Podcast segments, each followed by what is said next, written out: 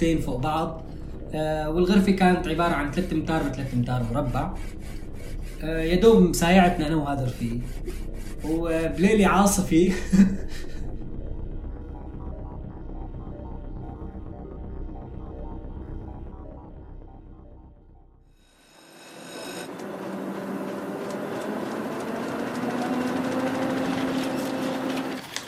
عنب بلدي بودكاست. بمر الإنسان بظروف صعبة بحس أثناءها إنه كل شيء انتهى وآماله بالحياة انتهت. كيف إذا كان هالشخص سوري؟ وكيف إذا كانت حياته مليانة قلق وتوتر بشكل يومي بالظروف يلي عم نعيشها من 2011 لليوم؟ حكاية مواطن سوري لليوم هي حكاية شاب كافح بالمعنى الحرفي ليعيش ويستمر بالحياة رغم كل الصعوبات يلي واجهها. والصعوبات يلي عم نحكي عنها مو بس صعوبات مادية ضيفوا عليها صعوبات العمل والحياة والبعد عن الأهل. محمد وهو اسم ضيفنا لليوم. بيرجع أصله لقرية أبو همامة بريف حمص. خلص بكالوريا واضطر إنه يطلع على تركيا بعد ما توقف 11 مرة على الحواجز. طبعا اطلع على تركيا ما سهلة. بدها مصروف وفيها مخاطر وفيها صعوبات. في أحلام عم تنسى في أهل عم ينتركوا ورا ظهره بس مع ذلك كان هذا هو الحل الوحيد.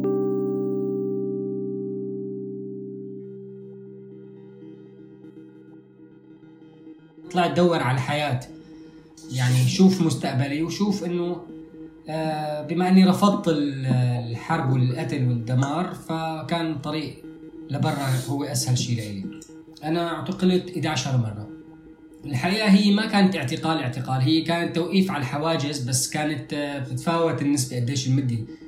وكانت آه، بسبب هويتي السورية بما إنه كانت مكسورة كان إنه أنا ممكن أكون إني مندس أو حدا من, من السوار مثلا.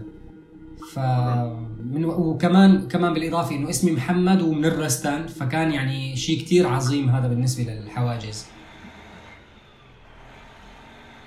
طلعت تهريب آه، بسيارة غنم مع تقريبا كثير شباب سوريين.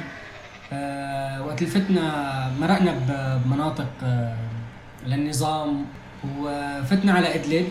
وقت المنطقة المحررة وبعدين وقت اللي تجاوزنا إدلب آه، وصلنا على باب الهوى ومن باب الهوى في مهرب تعرفنا عليه هنيكي آه، هو اللي فوتنا على تركيا. بس طبعا كانت آه، كمان كانت لحظة كتير غريبة دخولنا على تركيا لأنه كان شعور كتير إنه نحن كان بعقلنا شكل ودخلتنا على تركيا شكل. كنا فاكرين إنه رح يزتوا لنا ورد مثلا أو شيء. فاكتشفنا بعدين إنه مثل مثل مثل وقت اللي بنشوف الفلسطينيين والإسرائيليين بيهربوا من الحواجز هذول يعني ونحن عم نرقد بالأرض وفي حوالي وفي ورانا الشرطة التركية وفتنا تخبينا بين أرض العرانيس و يعني كانت صعبة كمان. بهذاك الوقت آه، رفضوا إنه يطلعوا الشباب لأنه قال يلي إذا كل الشباب بدهم يطلعوا على تركيا فمين بده مين بده يضل يقاتل النظام؟ فطلبوا إنه من كل آه، شاب من كل منطقة عندهم في حدا زعيم. لأنه كان في عندنا زلمة نحن هو المسؤول عن هدول المنطقة تبعيتنا. فرحت لعنده وقتها كتب لي بالورقة إنه آه، أصلا هو ما بيعرف إنه إنه لشو رايح لعنده أنا ومشان شو. فقلت له إنه أنا بدي أطلع على تركيا. ليه روح اطلع. قلت له إيه بدي ورقة لازم تكتب لي أنت شي شغلة. فكتب لي إنه أنا فلان فلان أسمح لفلان إنه يطلع. وبس حتى ما وقع لي ولا ختم لي ولا أي شيء يعني الورقة اللي مكتوب عليها حتى مو مفهوم الخط. ما حدا سأل عنها يعني. طلعت على تركيا وما حدا جاب سيرتها. يعني ما كان عم بيخلوا حدا يطلع من الرستن أو من تلبيسي. آه. مشان هيك إنه إنه بما إنه كانت محاصرة الرستن وتلبيسي كمان. يعني بعد ما فتنا على الريحانية هيك نزلنا بساحة الريحانية. آه، بالبداية كان كنت أنا مخلص مصرياتي وكنت آه، مع رفقاتي الاثنين اللي طلعت معاهم الضيعة. آه، واحد من بيناتنا كان معه 100 دولار ضالل قدرنا نصرفهم وبعدين عرفنا عن طريق حدا إنه في جمعية شركسية لإتراك. فانبسطنا كثير واستدلينا على الطريق. لكن للأسف لقينا الجمعية كانت مسكرة. بس آه، هيك إجت وحدة بعدين صبية هيك وقفت جنبنا قالت لنا مرحبا أنتم سوريين؟ فنحن إنه أتراك وبيحكوا عربي؟ يا سلام واو إنه هدول بيحكوا مثلنا طلعوا. قالت لنا لا أنا سورية بس أنا عايشة من هون صار لي زمان. فوقتها عاد قالوا لنا لوين جايين؟ قلنا لعند رفيقنا آه، هو موجود بالعثمانية. وقالوا لنا أوكي نحن رح ندلكم على الباصات و... ودلونا على الباصات وطلعنا.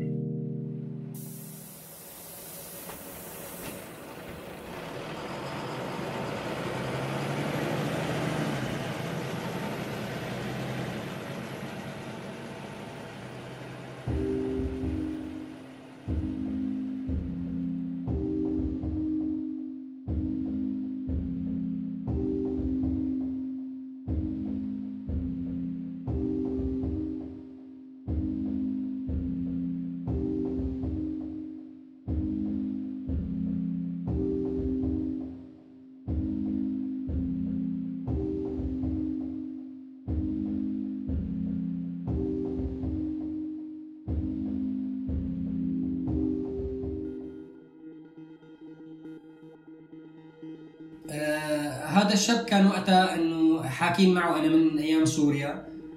فقالنا إنه تعالوا أنا هون في شغل كثير وفي مدري شو. على أساسه إنه كان هو الداعم الأكثر إنه نطلع على تركيا بقى. خلينا نروح نشتغل ونشوف حياتنا. فوقت اللي وصلنا لعنده لقينا إنه آه هو عم بيشتغل مع معلمين أتراك من جارة باطون. وبلشنا شغل معاهم يعني. بس ما كملنا الأسبوع. بعدين تقاتل هو وهدول المعلمين الأتراك. وقالنا إنه أنا آه، رح نرجع لعندي على بيتي. بيتي موجود آه، تقريبا آه، بولاية اسمها ولاية أف... ولاية كهرمان مرش بضيعة اس... لأهل الكهف ضيعة أهل الكهف. فنحن قلنا له شو أهل الكهف؟ قال هي الضيعة هي يلي يلي موجود فيها أهل الكهف يلي مو... المذكورين بالقرآن. قلنا له أوكي ورحنا معه وقتها رجع لعنده على البيت. كمان مشوار كان كتير طويل. 2013 تقريبا يعني هذيك المرحلة ما كان في عندي يعني ما كان في بعقلي إني أقعد آه، أنا بأي وقت ولا بأي زمان ولا بأي أنا كنت مركز انه شلون بدي آكل وعيش ووين أنا بالأساس. هلأ بالبداية بك... ب... ب... هي ضيعه أهل الكهف افشن آه، أول يومين آه، كنا قاعدين عنده بعدين تيجي الشرطة المسويه لعنده لهذا الشاب على بيته. بيقولوا له إنه أنت عندك شباب غرب. فلازم يطلعوا من عندك من على البيت. ف وهي الضيعة كان يعني هي صغيرة فنحن ما عاد نعرف وين نروح بحالنا. فنمنا ف- يومين عند فلان يومين عند فلان حدا من رفقاته لهذا الشخص.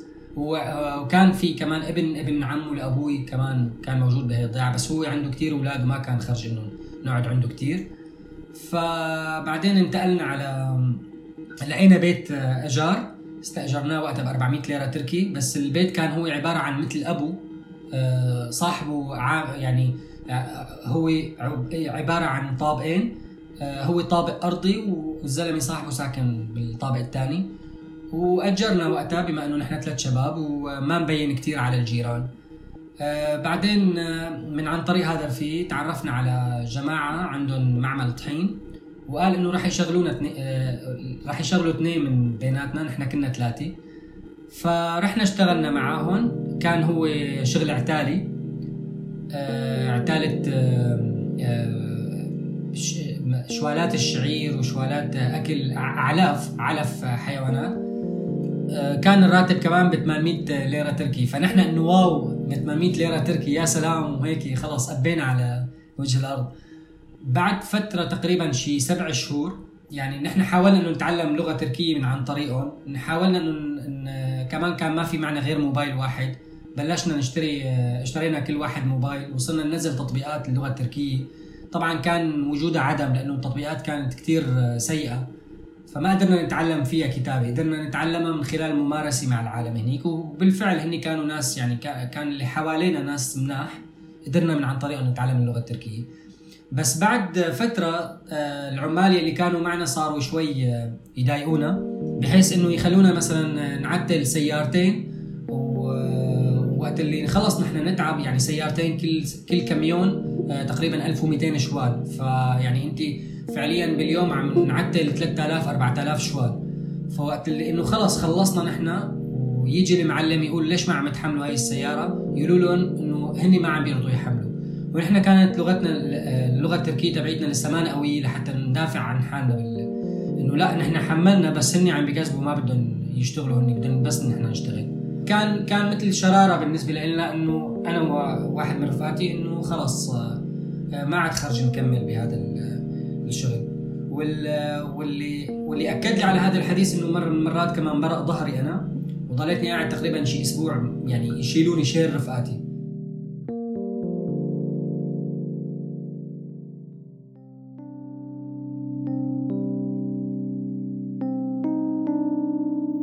مو دائما لما بناخد قرارات بحياتنا بنكون قدرانين نحسب سلبيات وإيجابيات أو إنه يكون في عنا رفاهية الاختيار أصلا. في ظروف بتنفرض علينا بدنا نحاول قدر الإمكان إنه نغيرها خاصة لما بتنفرض علينا فرض. الحياة بدها تنعاش وما المفروض إنه نستسلم وهات يلي عمله محمد. قدر إنه يلاقي شغل وهذا الشي فتح له باب لشوية أمل بظل الظرف الصعب يلي عايشه. ومعروف عننا نحن السوريين إنه نحن شغيلة وتعيبة وبنقدر نتغلب على الظروف الصعبة دائما وأثبتنا هذا الشيء خلال العشر سنين الماضيين ورح نضل نثبته ومحمد واحد من هالسوريين يلي لقى حاله فجأة قدام حياة جديدة وصعبة وبيعرف إنه صعبة بس قرر إنه يكمل الطريق للآخر لإنه مثله مثل كتار ما عنده حل تاني.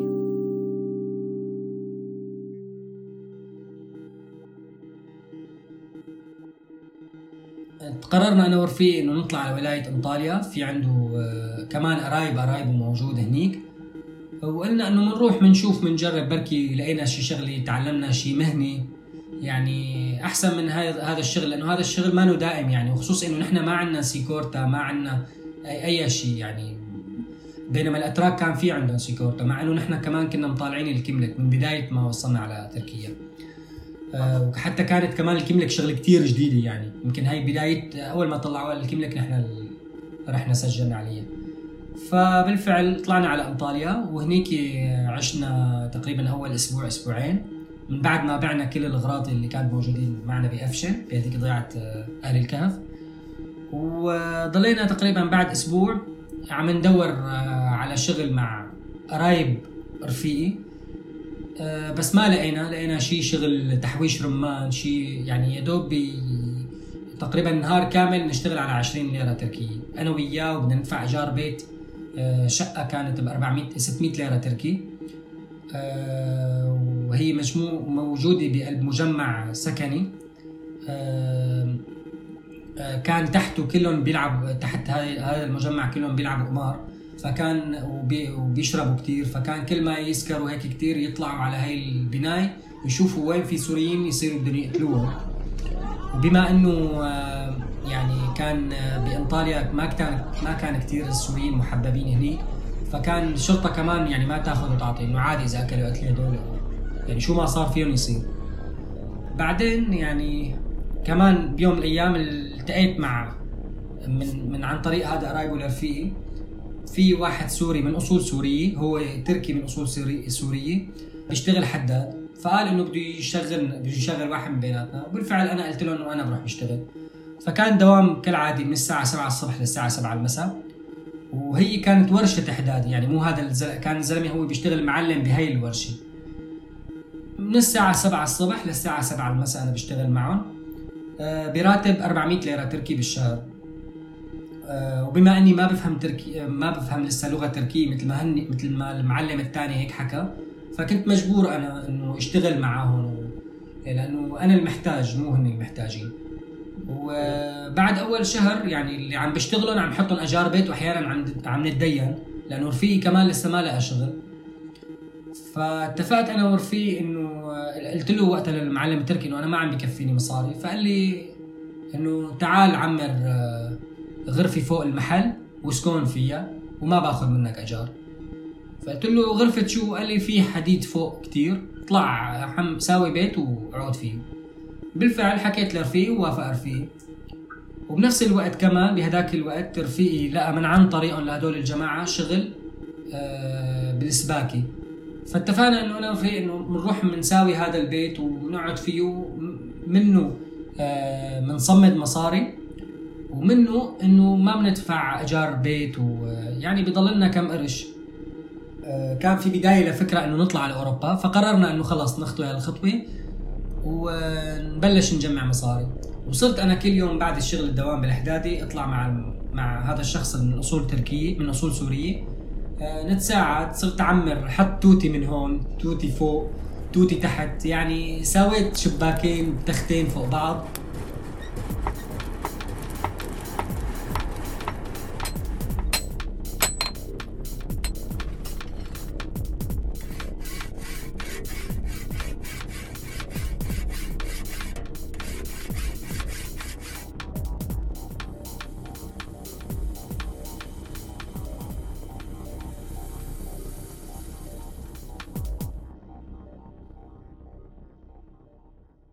والغرفة كانت عبارة عن 3 امتار ب 3 امتار مربع.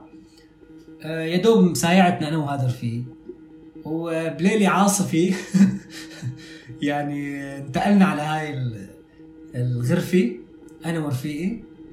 ويعني عشنا تقريبا فيها شي سنة ونص. هلأ بالبداية أول ما بلشنا نشتغل لقينا باب باب حمام.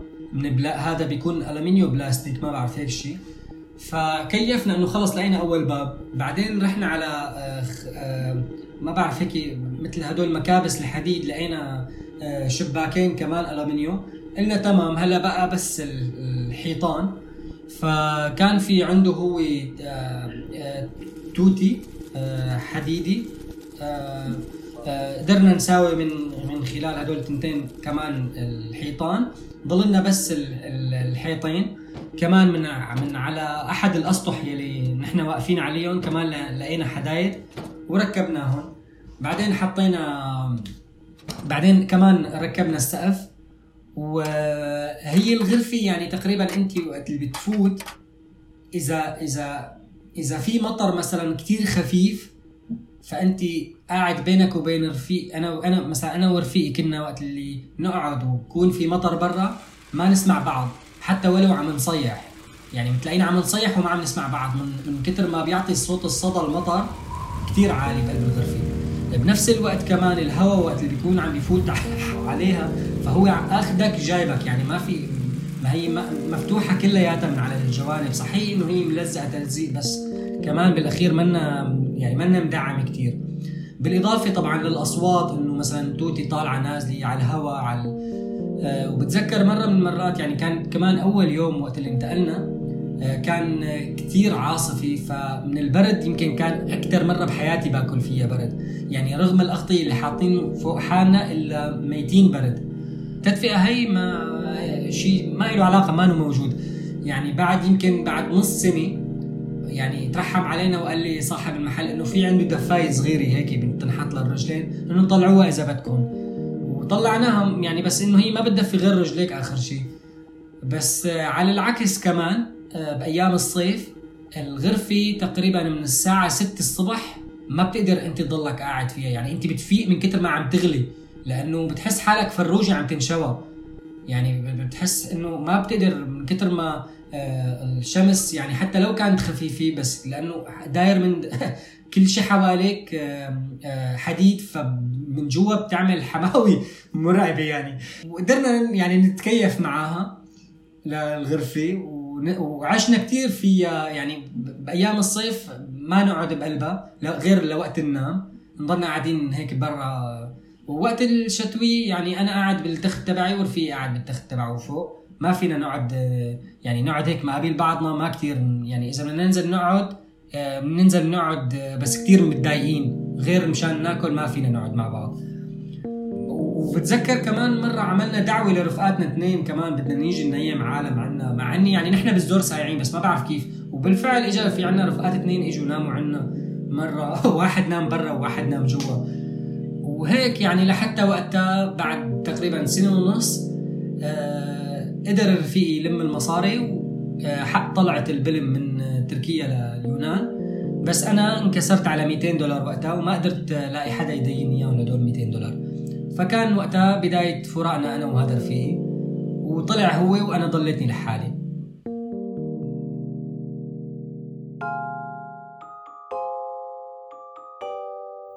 جبرت الحياة محمد على إنه يأكل لقمة مغمسة بالدم. وهو شاب لسه مقبل على الحياة فايت عليها كان بآمال واسعة وطموحات. فجأة لقى حاله عم يعمر بيت من حديد وصفايح وكل شي ممكن إنه يستخدمه لحتى يعمل غرفة صغيرة ما بتتجاوز مساحتها 3 أمتار ب 3 أمتار مو أكتر من هيك. نقدر نسمي هالمشهد هاد مشهد قاسي على الشاب ببداية حياته. غرفة على أسطوح ما فيها أبسط الشغلات يلي بيحتاجها أي إنسان بالحياة. بس سمعانين ببيت الديق بيسع ألف صديق؟ هيك كانت هي الغرفة الممطرة شتاء الحارة إلى حد الشواء صيفاً.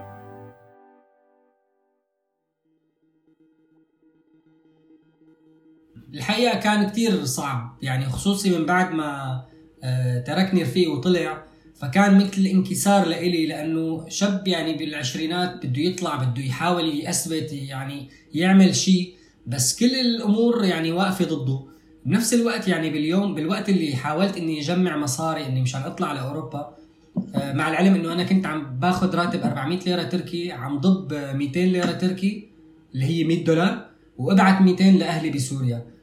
ف وأحيانا يعني يعني أغلب الأكل يكون من وراء رفيقي هذا اللي عايش معي. ف يعني بعد ما طلع هو وأنا ما لقيت يعني طلعت أوروبا كلها توقفت مشان 200 دولار انكسرت كثير والوحدة كمان كانت كان لها دورة. واكتئبت صرت تقريبا صرت أشرب كثير كحول. أرجع من الشغل يعني الساعة 7 المساء كون جايب مشروب اقعد اشرب ما آكل ما ما أسوي شيء ضلني عم بشرب هيك لحتى في الصبح. آه، اطلع على الشغل كمان. يعني معلمين هن يصيحوا لي من من تحت المحل محمد محمد في أنا إنه خلاص صار بلش اليوم الشغل. ارجع غسل وجهي ارجع انزل. ضلني عم بشتغل طول النهار آكل معاهم بالشغل ارجع. كمان هيك كان كتير كتير صعب. وكمان كمان الأخبار اللي كانت عم توصلني بسوريا من أهلي كمان كانت مؤلمة أكثر لأني ما ماني قدران أعمل شيء لأهلي. لا قدران ساعدهم ولا قدران يعني في كتير أيام كمان ما كنت قادر أبعث لهم المصاري لأنه ما كان في وسيلة ما كان في مكاتب مثلا. ف يعني كانت تجربة صعبة كتير مؤلمة كتير لإلي للأمانة. وبنفس الوقت يعني أستني ودربتني وعطتني هيك دافع لحتى أني وقف وقف أكثر وهيك ضلني عم قاتل الدنيا لأثبت إنه أنا يعني ما طلعت أو هاي الحياة اللي أنا موجود فيها بهداك الوقت آه، مو بس هيك أنا ما طلعت على تركيا بس مشان أقعد أشتغل هيك طول النهار وآخر شيء أقعد أشرب. بس آه، هذا اللي صار بهداك الوقت.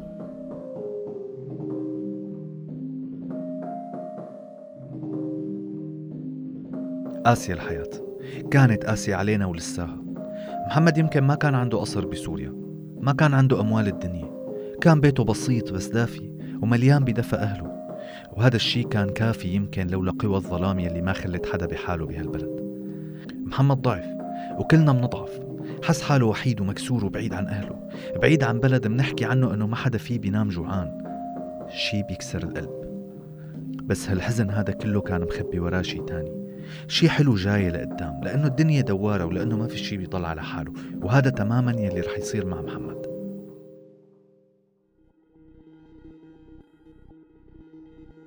الحقيقة إنه كان في عندي صديق من أيام الضيعة هو موجود بولاية أنطاكيا فحكى معي إنه تعال لعندي زيارة بأيام العيد وكان معلمي التركي الحداد ما كان يعطيني إجازات ابدا ابدا. يعني ما في يعني كنت أدعي إني أنا مريض مشان مثل كل ما بعرف يعني في أغلب هيك تلاقيهم ما بيعطوك اجازات فما في غير بايام العيد يعني هدول ثلاث أيام أربع أيام اللي ورحت لعند هذا رفيقي على ولاية أنطاكيا. فبيوم لي فتاني يوم عم بيقول لي إنه في عنده جلسة تصوير هو مصور لإحدى المنظمات الموجودة ب بأنطاكيا. فرحت كان حفلة ترفيهية للأطفال السوريين موجودين بأنطاكيا. وكان في الوكالة السورية للإنقاذ وقتها عندهم هاي الفعالية فعالية سلاما يا شام يمكن على ما أعتقد. آه، ف ونحن واقفين هيك أنا ورفيق رفيق عم ياخذ صور اجى آه، مدير المنظمة محمد كنداوي هو صديقه لرفيقي أيهم. قال له إنه ما اجى والله اليوم المهرج وهيك ماسك ثياب ثياب المهرج بإيده. فقال له رفيقي إنه هذا بصير مهرج. قلت له إيه هات أنا بصير مهرج. وعطاني إياهم هيك ولبستهم وحطوا لي مكياج وقالوا لي يلا روح اطلع. فأنا بالحقيقة يعني كل الموضوع صار هيك بسرعة وماني فهمان شو شو اللي يعني شو اللي صار. بس بس اللي كنت حاسه إنه كثير كنت مستمتع وكثير كنت مبسوط. وخصوصي من بعد ما لبست هدول الثياب ومن بعد ما حطيت الألوان على وجهي. ومن بعد ما بلشت شوف الأطفال ردة فعلهم معي كانت كتير ردة فعل, ردة فعل مفرحة وإنه هذا مهرج عم المهرج. وهيك و... و... يعني كلهم. وبهداك الوقت كمان كان شعوري أنا كأني طفل بيناتهم ما كنت نسيت حالي إنه أنا محمد الشاب اللي بده يثبت يقاتل اللي بده يعمل فبعد ما خلصنا الفعالية عم بيقول لي المدير واو أنت كتير حلو معنا ليش ما بتشتغل معنا وهيك؟ فقال له رفيق إنه إيه شغلوا معاكم. وبالفعل يعني آه، قال لي إنه نحن يعني مجال الشغل تبعنا تطوعي وهيك آه، يعني ما في كان وقتها داعم لإلهم. فبالفعل يعني كانت بداية حلوة بلشت معاهم ويعني من عن طريق رفيقي وأنا تجرأت وأخذت هالخطوة.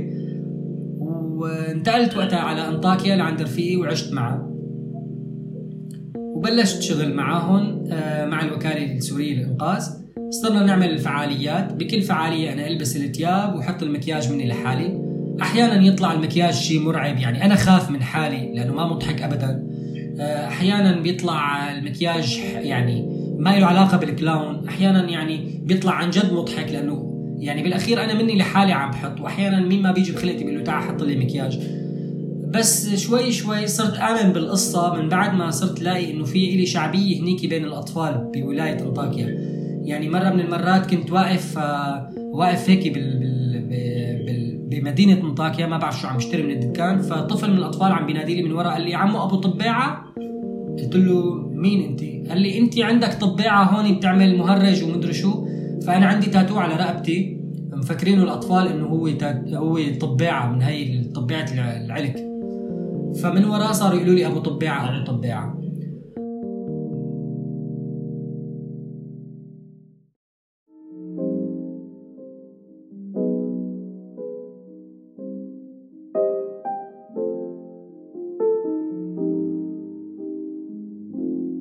الحياة بكل قساوتها بتعطينا أحيانا هدايا غير متوقعة وغير منتظرة.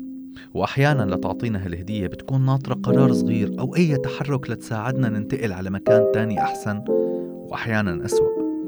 من حظ محمد إنه اللي جاي برغم صعوبته كان منيح ومهم مهم لإنه عم يرسم مستقبل كامل ومشرق. مستقبل هو نفسه ما تخيل إنه رح يزبط معه أو إنه يصير. شوية حظ شوية شمس بعد العتمة كفيلة أحيانا بأنه تقلب مستقبلنا وحياتنا رأسا على عقب. أوروبا بانتظار محمد ليعيش تجربة جديدة ما بتخلو من المخاطر وبتقرب كتير من الموت.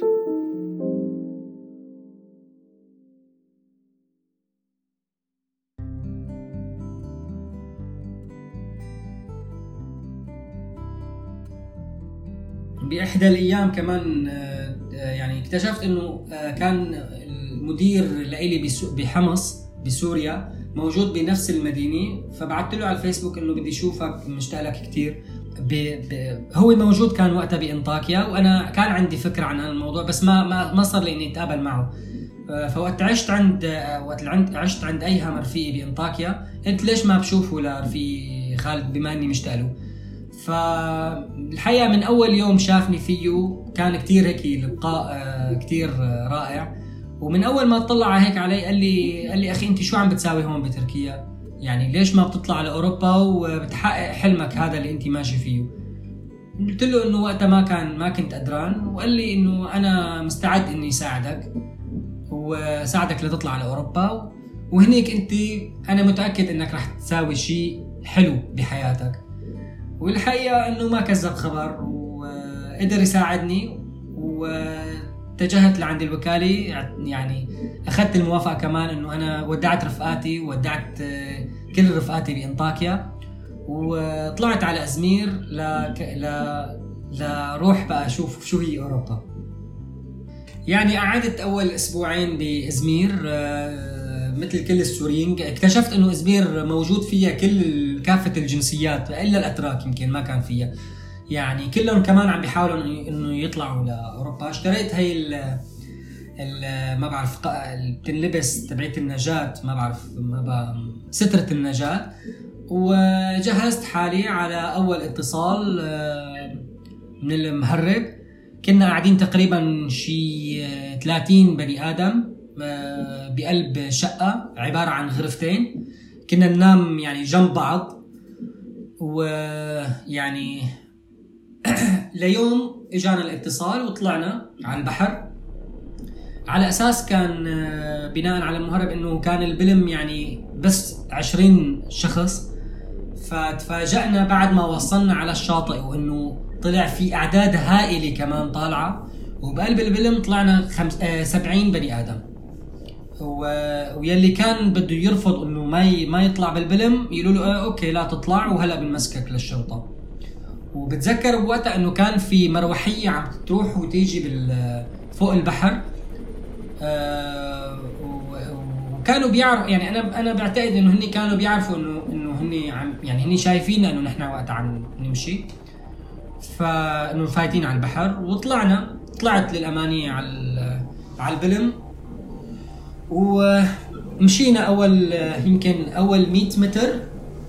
أو أنا ما كتير بفهم بالمسافات بس يعني بعدنا شوي عن اليابسه وصار يضرب هال هالبحر هالموج بالبلم. وشوي تاني بعد ما قطعنا ال 200 متر آه، انطفى الميتور. فحاول إنه يشغل ال- الشوفير البلم. هو من الرستن كمان. قلت له أنت كيف عم بتسوق البلم؟ قال لي يعني بدي أطلع بدي. قلت له يا زلمة إحنا ما في عندنا بحر لحتى يعني كيف قلت لهم هيك؟ قال لي بدي أمشي بدي أطلع لأوروبا. فكانت مصيبة للأمانة هي معي يعني. فصارت العالم كمان بنفس الوقت تخاف من الموج اللي عم بي عم بيدفش. وكل شوي صار يطفي الميتور. و... وأنا كنت قاعد جنبه لهذا الشوفير فصرت حس حالي إنه أنا كأني بمهمة داعم نفسي. لهذا الشوفير لأنه إذا هو صار يتلبك من الصياح اللي عم بيطلع من العالم من الخوف اللي عم.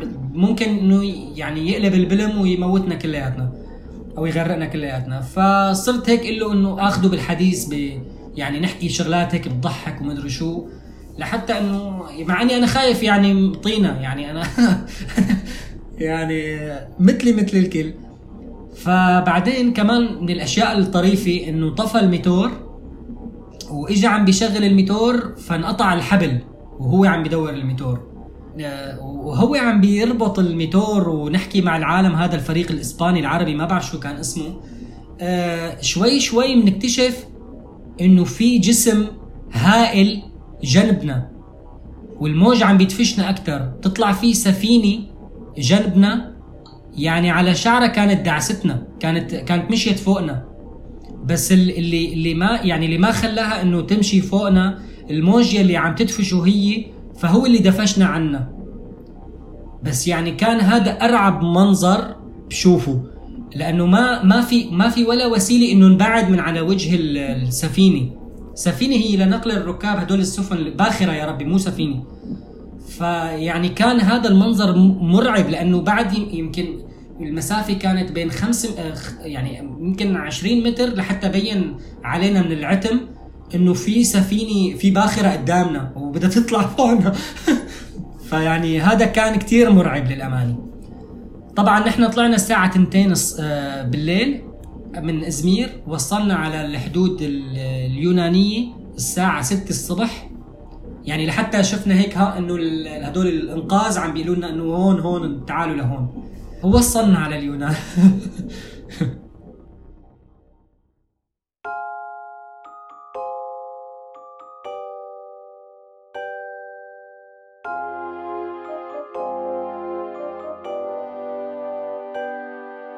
بس وصل محمد على اليونان لقى في منظمة عم تعمل إعادة توطين. سألهم محمد بتطالعوني على أوروبا؟ قالوا له إيه من طلعك. ما بيعرف ليش أخذ هذا القرار وسجل اسمه عندهم وقعدوه بأوتيل شهر ونص. بهي الفترة صار محمد يعمل حفلات للأطفال بالمينا. أطفال سوريين معترين كمل طريقه كمهرج. بعدين خيرته المفوضية أنه يطلع على فنلندا أو السويد وبحسب ما حكى لنا بيعرف أنه فنلندا هي تبع نوكيا و3310 فقال لحاله أنه هي البلد منيحة فطلع على فنلندا. وهنيك عمل عروض للمهرج وكمل بهذا الطريق. عمل عروض بأوروبا وطور حاله ولساته ماشي فيه. من ضيعة صغيرة بالرستن لمسارح أوروبا محمد ما كان متخيل إنه كل هاد رح يصير معه. الحياة ما بتمشي على سوية وحدة. وإيه ملايين السوريين انظلموا وعم ينظلموا. بس المهم إنه ما استسلموا. وكتير منهم ما رح يستسلموا. لأنه الشمس أضوى من قوى الظلام كلها. امبارح واليوم وأكيد بكرة. كان معكم مواطن سوري من عنب بلدي بودكاست وأنا يامن المغربي.